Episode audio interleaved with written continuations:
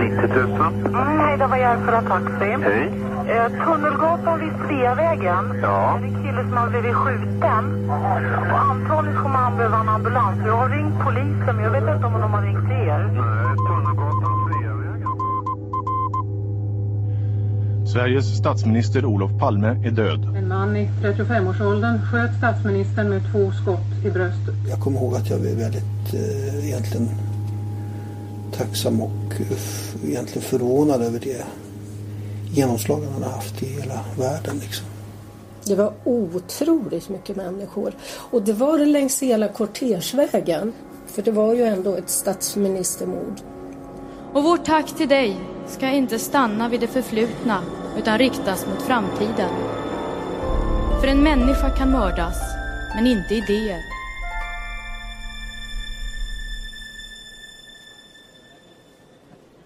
Två veckor efter mordet begravs statsminister Olof Palme.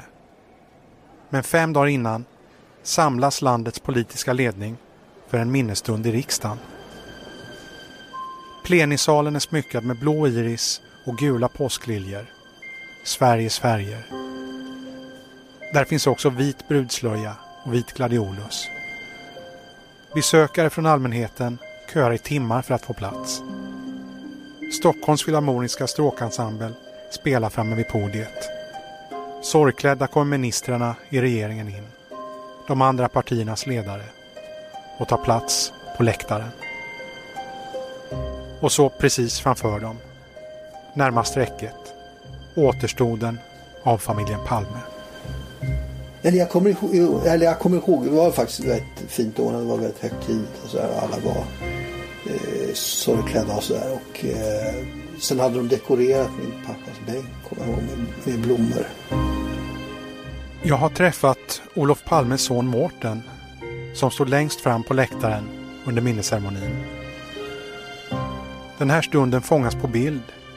En av dem som jag har tagit fram ur Aftonbladets arkiv. Och som har format berättelserna som du får höra om i den här poddserien.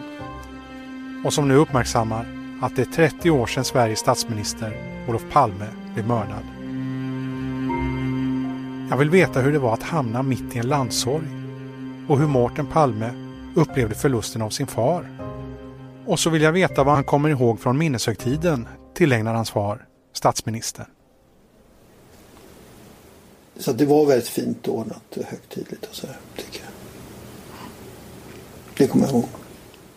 Sen kommer jag ihåg lite av talen. Det var väl... Eh, eh, och det var också det var ganska eh, bra sådär. Och, eh, försonande på något sätt. Och, eh, och även av politiska motståndare. Så det var, det var trevligt på alla sätt. På fotografiet som jag och mellersta sonen Mårten nu tittar på är han 24 år. Och han tittar ner från läktarplatsen.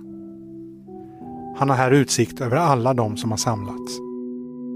Bakom honom på det svartvita fotografiet står den tidens kanske tyngsta politiker uppradade. Däribland justitieministern Lennart Geijer och vänsterledaren C.H. Hermansson. Framför står hustrun Lisbeth och hennes tre söner. De ser bleka ut. Mordet på er far det har begåtts tio dagar innan den här bilden tas. Ja just det, senare datumet ja. Ja, Vad är det som ni har gått igenom de dagarna? det var ju naturligtvis chockartat och, och sorgligt och förfärligt på alla sätt. Men det kan man väl säga alla de här, det var ju väldigt många sådana här manifestationer och, och eh, folk med olika minnen och så här. Det var ju faktiskt eh, väldigt eh, fint och eh, jag kommer ihåg att jag blev väldigt eh, egentligen tacksam och eh, egentligen förvånad över det genomslag han har haft i hela världen. Liksom. Det här är andra avsnittet av tre i en poddserie från Aftonbladet som uppmärksammar 30-årsdagen av Palmemordet. Jag heter Anders Johansson.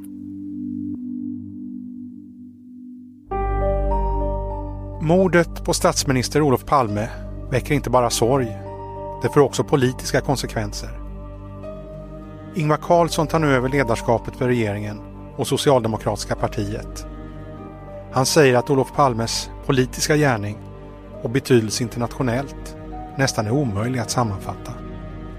Men fem dagar efter minnesstunden i riksdagen, när det är dags för begravning, blir det tydligt vilken inverkan han har haft.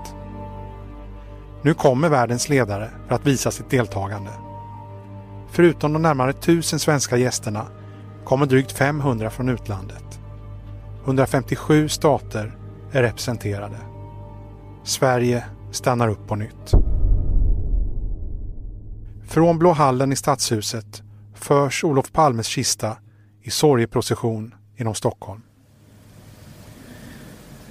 Ja, Annika Billström, vi sitter här nu och tittar på en bild som är från den 15 mars 1986. Vad är din första tanke när du tittar? Ja, det jag kommer ihåg av den där bilden det är ju eh, att Stockholm kändes som belägrad. Den föreställer Olof Palmes kista när den dras genom Stockholm. Massor av människor har sökt sig ut för att vara med. En av dem som drar vagnen med kistan är Annika Billström. Då var hon aktiv inom Socialdemokratiska ungdomsförbundet, SSU, och hon ska senare bli finansborgarråd i Stockholm. Jag träffade Annika Billström för att jag ville höra mer om hur det var att som ung SSU-are förlora sin ledare och hur det kändes att gå med kistan genom en öde storstad. På bilden som vi nu tittar på har hon precis som alla andra en allvarsam min. De är tre på varje sida om kistan, klädda i mörka rockar och kappor. Bredvid dem står poliserna med uniformer som också har mörka rockar. Rader av flaggor syns vid båda sidor om den avstängda gatan. Det var otroligt mycket människor. Och det var det längs hela kortersvägen. Alltså jag tror att människor stod och trängdes. Det kanske är fel eh, uttryckt men alltså det var flera rader av människor längs vägen så, så att det var ju tiotusentals, det kanske var hundratusen, det vet inte jag. Men känslan när man gick där var ju att det var eh, med så mycket människor en sån tystnad, en sån respekt och en sån vördnad ändå. För det var ju ändå ett statsministermord så att eh, ja, det var väldigt känslomässigt. För Annika Billström var det en självklarhet att anmäla sig som frivillig till begravningskortegen som går från Stadshuset till Adolf Fredriks kyrkogård. Färdvägen är kantad av röda fanor från arbetarrörelsens alla delar. Sakta, sakta skrider de fram. Först en polisbil följd av sex polishästar. En vit längst fram följd av fem bruna. Hovarna klapprar mot gatan. Därefter följer trumslagarna och en bit efter dras den röda katafalken med den vita kistan prydd med röda rosor. Sen kommer andra deltagare. En lång rad svarta limousiner. På avstånd hörs också kyrkklockors klang.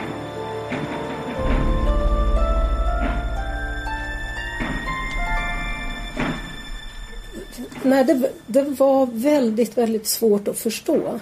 Eh, och det var ju en enorm sorg. Jag minns eh, Eh, när vi vaknade upp där på lördagmorgonen och, och möttes av budskapet så kände vi ju, både jag och min man som också var, eller var politiskt aktiv, att eh, ja, det var en total bedrövelse. Många som var med på den tiden har starka minnen av hur de fick beskedet om mordet på Olof Palme. Själv vaknade jag upp på morgonen och slog på tvn och trodde först att det var ett dåligt skämtprogram. Men när plötsligt kungen intervjuas om saken inser jag att det är på riktigt. Mordet skakar inte bara mig utan också hela Sverige. Det som kanske ingen trott var möjligt här hemma hade plötsligt hänt. Någon har skjutit statsministern på öppen gata och lyckats komma undan. På mordplatsen växer alla rosor från sörjande till ett berg. Det råder närmast landsorg. I Blå hallen i Stadshuset blir begravningsceremonin ståtlig och högtidlig.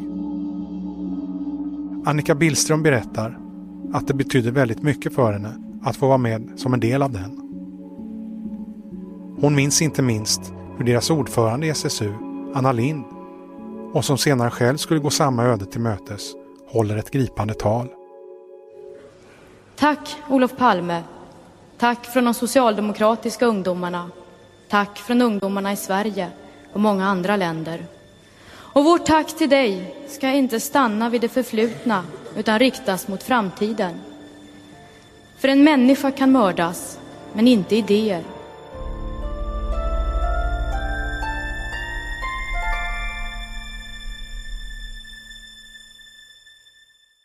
Olof Palme sörjdes av svenska folket som den offentliga person han var. Samtidigt hade han också en privat sfär som han månade mycket om. Hur var det egentligen att ha Sveriges statsminister till pappa? Vi hör sonen Mårten Palme. Ändå, han var ju liksom inte... Han var ju liksom ingen arbetsnarkoman i... så- Sådär, han var liksom intresserad även av, av livet utanför sitt arbete. Så jag tyckte på det sättet så var han, var han också bra. För att verkligen få tid med familjen var en sommarsemester på fyra veckor närmast helig. Men ibland hände det att Olof Palme var tvungen att ha kontakt med omvärlden. Eh, Så att han åkte iväg där på, ibland på kvällarna och till den närbelägna telefonkiosken där vid Söderhamns eh, dansbana. Och då stod han i kö där. Det var ju många som ville ringa. Så att det var en annan tid verkligen.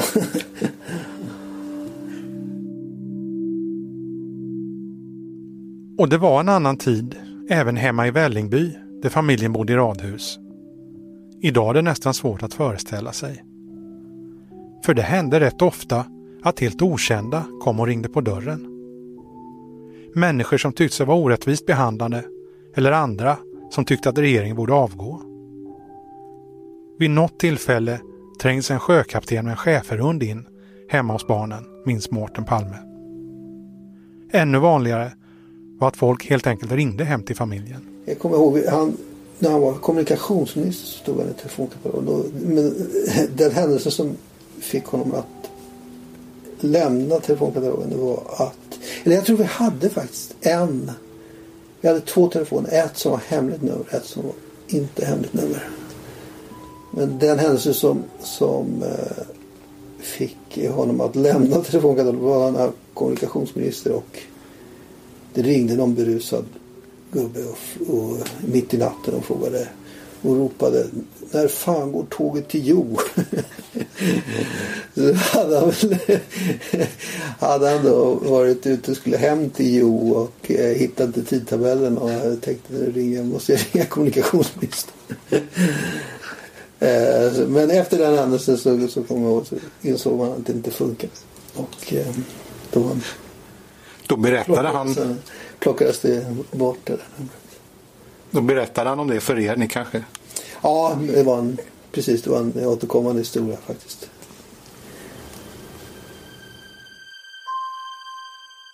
Ibland kunde de här kontakterna kännas skrämmande, minns Mårten Palme. Visserligen fanns det livvakter. De följde pojkarna till skolan och såg till att de kom hem. Men Olof Palme tyckte själv att det var besvärligt att ha livvakter.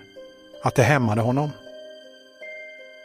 Han ville inte planera varje gång han skulle gå ut och hade därför en uppgörelse med Säpo, Säkerhetspolisen, att de bara skulle vara med honom under arbetstid. Samtidigt fanns det politiska motståndare som odlade ett hat mot Olof Palme. Men att någon skulle gå till aktiv handling trodde aldrig Mårten Palme. Går det att säga att du var lite beredd på att någon skulle försöka skada honom?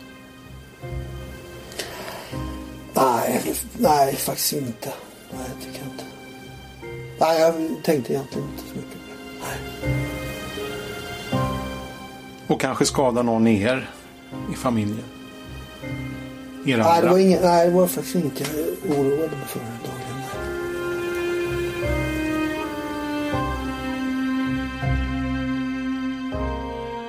Olof Palme begravs på Adolf Fredriks kyrkogård. Samtidigt sliter polisen med att försöka hitta hans mördare. Men det hinner gå tre år innan en misstänkt häktas för mordet. Hur går det till när han pekas ut? Och vad händer vid rättegångarna? Det får du höra mer om i nästa avsnitt som utgår från bilden som togs vid vittneskonfrontationen av Christer Pettersson. Du har lyssnat på en nyhetspodd från Aftonbladet. Jag heter Anders Johansson. Producent var Nina Kruse.